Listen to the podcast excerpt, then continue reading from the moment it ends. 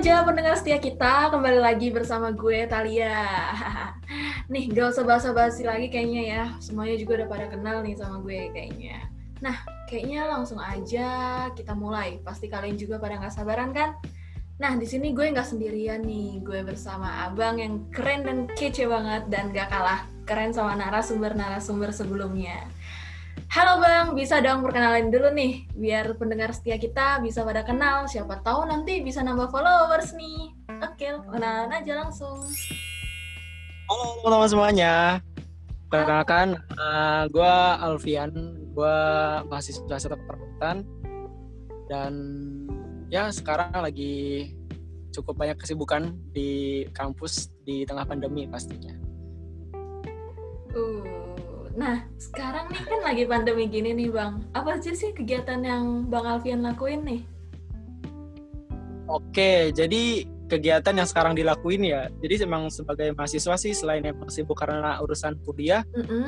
jadi karena emang gue juga aktif di beberapa organisasi ya. Jadi ya sibuk ngurusin beberapa program, kemudian bagi waktu juga dengan tugas dan pastinya ikut berbagai macam lomba seperti itu.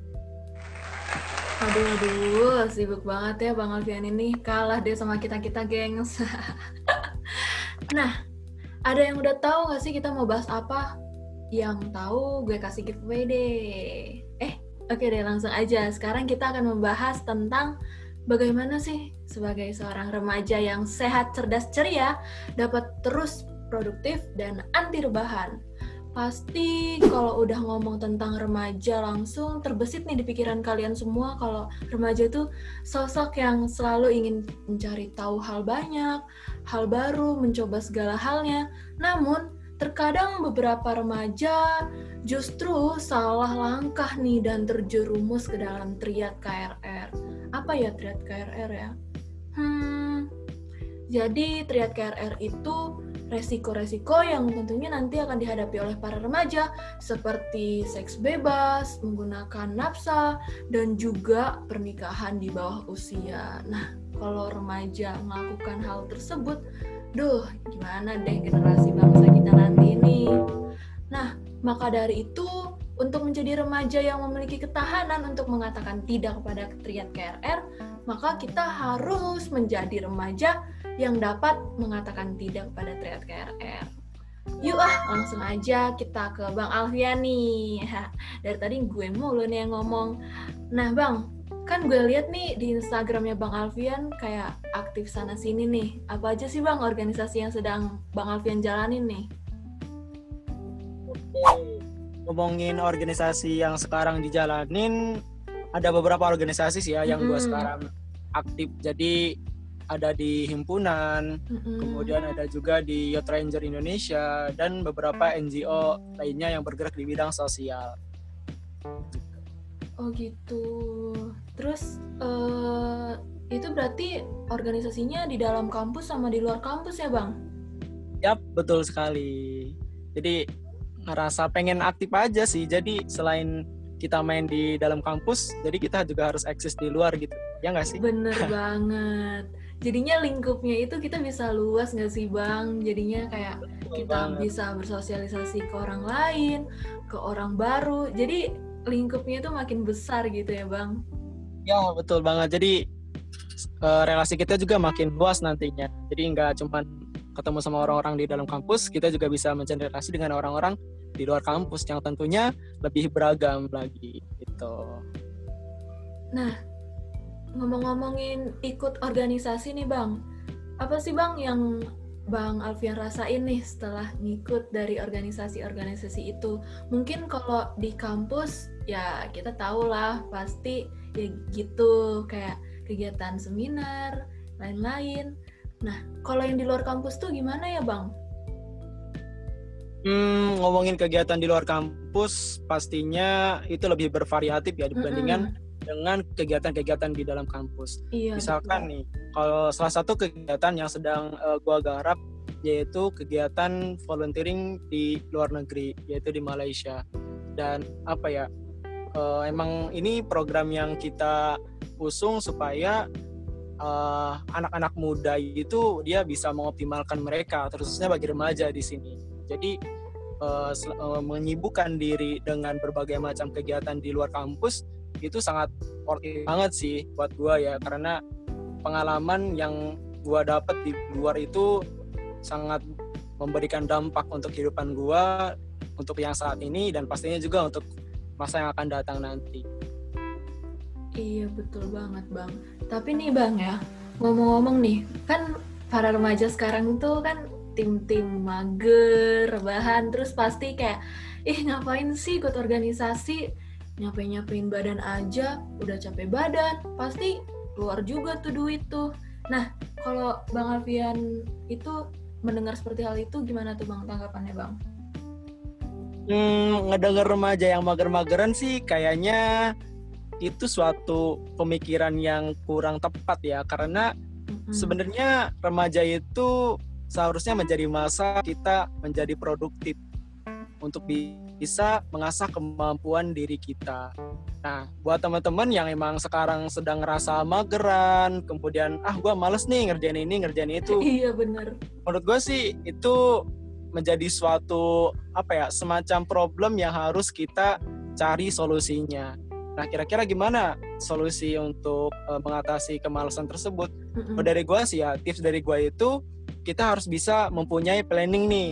Nah, planning itu bisa dari jarak uh, terdekat atau menengah ataupun sampai planning-planning jauh kita. Misalkan setahun kemudian, dua tahun, dua tahun kemudian atau beberapa tahun kemudian kita harus seperti ini. Nah, itu dengan adanya planning-planning tersebut menurut gua kita menjadi lebih tersusun untuk menja apa untuk melakukan suatu kegiatan setiap hari. Dan tentunya jadi nggak mageran. Wah, berarti Bang Alfian nih remaja genre banget nih. Ngelakuin apa aja tuh direncanain. Jadinya generasi berencana. Duh, cocok banget nih Bang. Remaja yang sehat, cerdas, ceria banget nih. Dapet semua tuh. Nah, kan tadi tuh Bang Alvin tuh udah sebutin tuh banyak banget kegiatannya di dalam, di luar kampus. Nah, gimana sih Bang cara nih buat nyeimbangin waktu kuliah dengan kegiatan organisasi nih? Serta nih aku lihat juga di Instagramnya Bang Alfian tuh Bang Alfian pernah ikut lomba-lomba. Nah itu gimana sih Bang cara bagi waktunya tuh? Apalagi waktunya itu bersamaan. Nah gimana tuh Bang? Oke, kalau ngomongin soal bagi waktu sih ini PR kita bersama ya. Iya. Jadi jujur eh, gue sendiri sih kalau ngomongin tentang manajemen waktu sampai sekarang itu masih belepotan banget gitu kan. Makanya ini menjadi suatu hal yang sangat penting sih terkait uh, pengaturan manajemen diri kita nih. Misalkan kita sekarang sedang ada kesibukan di kampus kemudian ada juga nih beberapa tanggung jawab kita di organisasi dan tuntutan keinginan kita untuk bisa berprestasi dengan mengikuti berbagai macam perlombaan. Nah, cara yang gue lakuin sih biasanya gue itu di setiap awal tahun pasti membuat satu wishlist gitu. Jadi semacam uh, harapan yang harus ataupun tujuan yang harus gue capai di tahun tersebut. Nah, misalkan iya. di tahun sekarang itu gue pengen ikut lomba ini nih atau dapat juara ini. Mm-hmm. kemudian gue juga pengen seperti buat suatu program inovasi yang ini. Mm-hmm. dan tujuan-tujuan lainnya tentunya. Nah itu beberapa poin yang memang gue lakuin sampai sekarang untuk bisa menyeimbangkan antara organisasi belajar di kampus dan berprestasi juga tentunya dan emang dari apa ya dibilang susah-susah gampang sih sebenarnya karena pasti banyak banget godaan ataupun hambatan ketika kita walaupun kita udah bisa membagi waktu ya ibaratnya misalkan iya. ketika ada tugas nih gitu kan wah deadline-nya cepet banget gitu padahal mm. di situ seharusnya ada apa program nih yang harus kita garap gitu kan iya, betul. itu di situ pasti membutuhkan uh, apa ya suatu kemampuan untuk membuat keputusan yang baik gitu entah itu dalam menentukan prioritas misalkan kita harus ngerjain tugas dulu nih mm-hmm. atau kita ngerjain yang mana dulu itu harus bisa ditentukan sebenarnya gitu. Dan yang gue lakuin biasanya uh, eh, gue itu harus bisa menentukan prioritas di mana apa aja yang harus gue lakuin terlebih dahulu supaya semua yang udah gue apa ya dibagi itu kegiatannya itu tetap bisa tersusun dengan rapi terjalani dengan baik dan tentunya nggak ada yang kelewatan. Kayak gitu. Jadi apa ya manajemen waktu itu merupakan suatu hal yang penting sih menurut gua. Jadi uh, kalian juga pastinya harus bisa dong manajemen waktu dimulai dari sekarang. Seperti itu. Nah ngomongin manajemen waktu nih bang. Pasti pernah nggak sih bang kayak uh, keteteran atau enggak uh, ada nih perkuliahan yang terganggu karena kegiatan organisasi ini nih bang Nah itu kan pasti tantangan banget nih Bang. Cara Bang Alfian menghadapi tantangannya itu gimana Bang nih? Oke, jadi kalau ngomongin manajemen waktu, pernah nggak sih keteteran keteteran karena perkuliahan gitu kan? Atau iya. kegiatan-kegiatan lain? Pastinya pernah banget dong. gimana ya? Karena emang tuntutan di kampus banyak, misalkan ada tugas dan segala macamnya, iya, kemudian bener. dari uh, organisasi juga. Jadi apa ya uh, kita harus sebenarnya harus bisa apa menentukan apa yang harus kita lakukan ketika uh, dalam satu hal yang urgent misalkan untuk mencegah kita keteteran karena tugas itu kita harus bisa uh, memanage uh, penugasan yang emang kita punya ataupun ini nih cara yang gue gunain juga sebenarnya mm -hmm. nih sekarang. Jadi kalau supaya nggak keteteran itu, biasanya gue minta minta teman yang lain untuk bisa ngingetin ketika ada tugas deadline yang seharusnya dikerjakan pada saat itu gitu. Sebenarnya ini fungsi punya banyak teman tuh penting banget gitu kan di samping Bener banget. Bisa ngebantu kita, dia juga menjadi pengingat yang baik gitu kan. Bener banget. uh, apa ya? penting sih makanya kita penting mempunyai relasi banyak teman apa ya menjaga komunikasi dan segala macamnya terus selain ke teman sendiri biasanya kalau gua itu minta uh, apa ya semacam komunikasi langsung ke dosen yang bersangkutan biasanya nih ketika ada tugas dan segala macamnya gitu kan keteteran hmm, nih yeah. kita bisa bilang bu misalkan atau pak gini gini gini gini gini gini gitu kan ya ini sebenarnya beresiko juga sih kalau gitu. Soalnya kita semacam minta keringanan gitu loh. Iya, Jadi bener-bener ya, banget. Tapi ya mau gimana lagi? Yang penting uh, mereka tahu kegiatan kita apa dan kita bisa menjelaskan dengan baik kepada mereka sehingga semuanya bisa uh, apa ya berjalan dengan baik dan tidak menjadi hambatan tentunya buat kita untuk bisa menjalankan semua aktivitas kita seperti. Nah, betul banget tuh Bang. Jadinya bisa seimbang ya Bang antar uh, pendidikan, kegiatan, dan juga menjaga relasi itu penting banget. Betul Semua banget. harus seimbang. Nah, terus nih, kan kayak tadi nih, uh, tugas uh, harus diingetin, terus kadang keteteran juga kayak harus manajemen waktu yang baik. Nah, terus pernah nggak sih bang karena sibuk sibuk ini nih, sibuk kegiatan sana sini, terus jadi jarang nih main sama temen dan akhirnya Bang Alfian tuh dibilang makin sombong atau gimana tuh Bang? Nah sebagai remaja yang sehat, cerdas, ceria, gimana tuh Bang tanggapannya? Oke, pernah nggak sih dibilang sombong gara-gara sibuk nih ngurusin urusan kampus atau urusan organisasi? Itu pernah banget sih. Malah beberapa kali teman-teman yang deket malah dia curhat. Uh. Ya mungkin karena kita sering apa uh, sangat dekat gitu ya jadi iya. dia tuh bilang kenapa sih lu sekarang gak susah banget diajak main gitu kan wah kan sebenarnya gak enak juga ya Bener. ketika dibilang kayak gitu kan karena biasanya main sekarang agak intensitasnya berkurang tapi mengingat uh, apa ya karena itu suatu tanggung jawab dan memang suatu keputusan yang udah kita ambil untuk misal untuk ikut suatu organisasi ambil tanggung jawab lebih itu sebenarnya bukan suatu hal yang merugikan juga buat kita. Yang penting ini yang penting kita harus bisa uh, menentukan prioritas yang pertama. Kemudian yang kedua kita harus menyusun jadwal sebaik mungkin. Jadwal sebaik mungkin itu ya kayak gimana? Jadi jangan porsir waktu kita seluruhnya untuk kerjain tugas. Misalkan hmm. nih kita di jam ini kita harus ngerjain tugas dan itu emang harus dikerjain. Jangan sampai kita ya. molor-molorin dan akibatnya tugas numpuk main nggak bisa gitu kan. Nah kayak gitu. Jadi biasanya sih kalau gue uh, itu kalau ada tugas ataupun kegiatan organisasi lain kalau bisa dilakukan lebih awal itu bakal gue lakuin lebih awal. Supaya apa? Waktu untuk gua bisa main dengan teman-teman yang lain juga tetap ada gitu. Jangan sampai karena kita sibuk kita malah nggak jadi remaja yang ber, e, bersosialisasi dengan orang lain gitu. Jadi kita jadi kayak orang ambis sendiri diem di rumah nggak ngapa-ngapain dan ujung-ujungnya apa ya e, fungsi sosialisasi kita tuh dengan yang lainnya itu nggak ada jadi gitu. Gak ada, bener banget. penting banget kita menentukan prioritas dan bisa menghandle tugas-tugas apa yang kita emban saat ini jadi selain kita bisa uh, aktif di organisasi, aktif di kampus, kita juga tetap aktif bermain dengan teman-teman yang lainnya kayak gitu. Betul betul. Nanti jangan sampai jadi ansos nih ya kan bang. Ya, betul banget. uh, nah, tadi udah ngomongin organisasi nih bang. Nah sekarang kita ngomongin dong nih bang prestasinya bang nih. Udah ada apa aja sih nih bang yang bang Alfian capai nih dan selanjutnya mau apa nih Bang yang Abang rencanakan nih?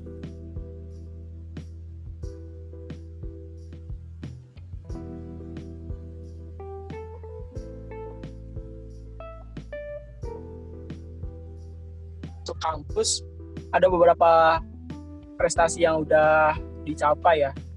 Seperti misalnya itu kayak juara satu lomba olimpiade di jurusan gitu kan se wilayah Jabodetabek kemudian Mantap. kayak apa namanya mendapatkan medali perunggu tuh kan di ajang internasional uh, expo jadi itu sih salah satu itu salah satu uh, apa ya pencapaian yang sangat uh, apa ya paling membanggakan sih sampai sejauh ini ya yang keren, keren. yang gua dapat jadi ketika kita punya suatu ide kemudian mm -hmm. di kita seriusin nih, seriusin menjadi suatu karya sehingga akhirnya menjadi suatu penemuan yang berharga itu uh, sangat bangga banget sih. Walaupun ya kemarin uh, dapatnya itu di perunggu, tapi it's okay. Yang penting kita bisa menunjukkan kalau misalkan uh, kualitas diri kita ataupun uh, pemahaman dan uh, niat kita untuk membantu masyarakat luas itu tetap ada gitu kan.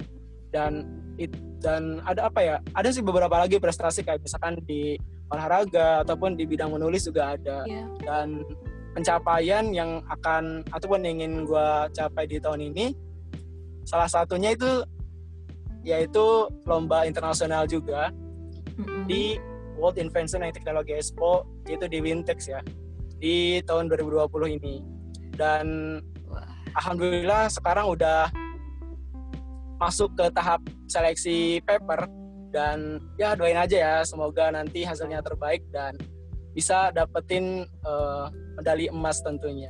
Amin amin amin.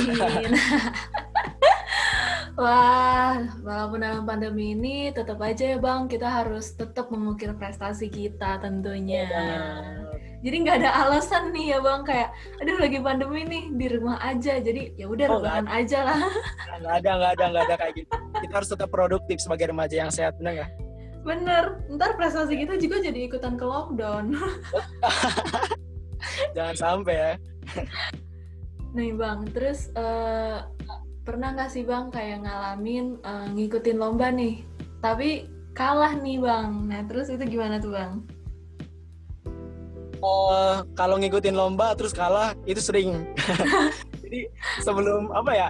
Jadi kayak semacam apa pepatah yang bilang pengalaman itu adalah guru mm -hmm. terbaik itu bener banget sih. Jadi sebelum gue bisa mencapai apa ya punya beberapa prestasi mm -hmm. tadi itu banyak banget hal yang harus gue laluin gitu kan.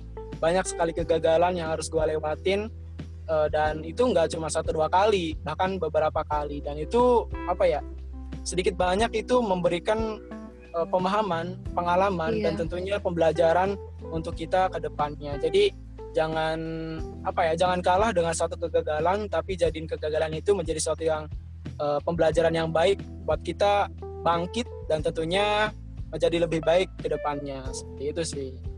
Betul banget. Berarti semakin terbentur, terbentur, terbentur, terbentur, ah. jadi terbentuk. Nah, terbentur, terbentur, terbentur, jadi terbentuk. Kayak gitu. Jadi kena kan gitu. Bener banget sih bang, kayak kalah menang itu sebenarnya dalam perlombaan ya bukan poin utamanya sih bang, kayak lebih ke pengalaman kita, terus menambah skill kita juga secara nggak langsung kan bang? Betul betul. Jadi anggap aja lah prestasi ataupun hasil juara itu menjadi bonus dari iya, kerja keras kita yang banget. sudah kita lakukan. Bener banget. Yang penting tuh pengalamannya sih itu parah nah. banget sih pentingnya. Paling penting banget itu. Kan ada orang tuh yang uh, harus nih harus harus. Tapi nanti jadi stres sendiri gitu loh bang. Bener kadang-kadang ketika kita pengen banget nih wah gue kayaknya yakin juara nih bisa juara. Iya. tapi kenyataannya gagal. Ya udah habis itu pasti nggak mau ikut lomba iya, lagi. bener. Trauma habis tuh. Iya ujung-ujungnya malah malah menyerahkan dia gitu. Iya bener banget. Kan gitu bang. Kalau misalnya udah terlalu berharap dan emang tujuannya itu cuma buat menang kadang ya, kita tuh banget. harus tujuannya kan tujuannya untuk menambah pengalaman kita ya. nambah wawasan uh. nambah skill banyak gitu kan bang poin plus yang kita dapetin di dalam lomba tersebut walaupun oh, banget, kita kalah ataupun menang ya tetap tetap poin intinya itu kita harus bisa belajar dari pengalaman iya betul banget sih bang nah kan tadi bang Alfian udah panjang lebar banget nih bang tentang prestasinya tentang organisasinya. Nah, sekarang boleh banget nih Bang, bagi-bagi nih Bang tips dan triknya untuk para kaum remaja milenial sekarang agar terus produktif, berprestasi, sehingga nantinya mereka tuh dapat lebih siap nih Bang untuk menghadapi bonus demografi di tahun 2030 nanti. Boleh Bang? Oke. Jadi tips dan trik ya buat para remaja yang sekarang nih. Jadi iya tips dan trik yang mau gue sampaikan kepada teman-teman semuanya yaitu pahami kalau misalkan kita itu remaja yang berpotensi. Mm-hmm. Jadi kita harus tahu nih bahwa kita itu sebenarnya orang-orang berharga yang mempunyai, mempunyai kelebihannya masing-masing dan harus kita asah supaya bisa memberikan manfaat buat diri kita pribadi dan banyak orang tentunya. Uh, eh, gue inget banget waktu dikasih pelatihan sama salah satu mentor gue dulu, iya. dia itu bilang kalau misalkan uh, musuh kamu sebenarnya adalah diri kamu sendiri. Mm-hmm. Nah, awalnya tuh gue nggak ngerti nih dengan istilah kayak gini, tapi seiring berjalannya waktu, ternyata gue paham kalau misalkan musuh sebenarnya yang harus kita hadapi agar bisa uh, lebih baik lagi ke depannya, yaitu diri kita sendiri. Loh kok diri kita sendiri? Uh-uh. iya bener banget. Kenapa diri kita sendiri? Karena segala sesuatu yang akan kita lakukan segala perubahan yang mau kita uh, apa ya dorong ke depannya itu itu ditentukan oleh diri kita sendiri. Itulah kenapa uh, musuh terbesarmu adalah diri kamu sendiri. Karena kita itu nggak bakalan mau maju kalau misalkan ego kita bilang ah nggak usah deh buat apa lu maju? Gitu nah jadi hmm. kayak pemikiran-pemikiran negatif yang datang duluan yang ngebuat kita itu menjadi kalah sebelum berperang lah ibaratnya kayak gitu. Ya jadi ketika kita sebenarnya punya keinginan itu jangan kalah dulu dengan pemikiran negatif yang ada dalam uh, pikiran kita gitu. Jadi kita harus bisa mengalahkan ego kita ataupun pemikiran-pemikiran yang memang sebelum yang justru malah menghambat nih buat diri kita sendiri. Nah, kemudian jangan lupa yeah. untuk bisa menentukan tujuan hidup kita.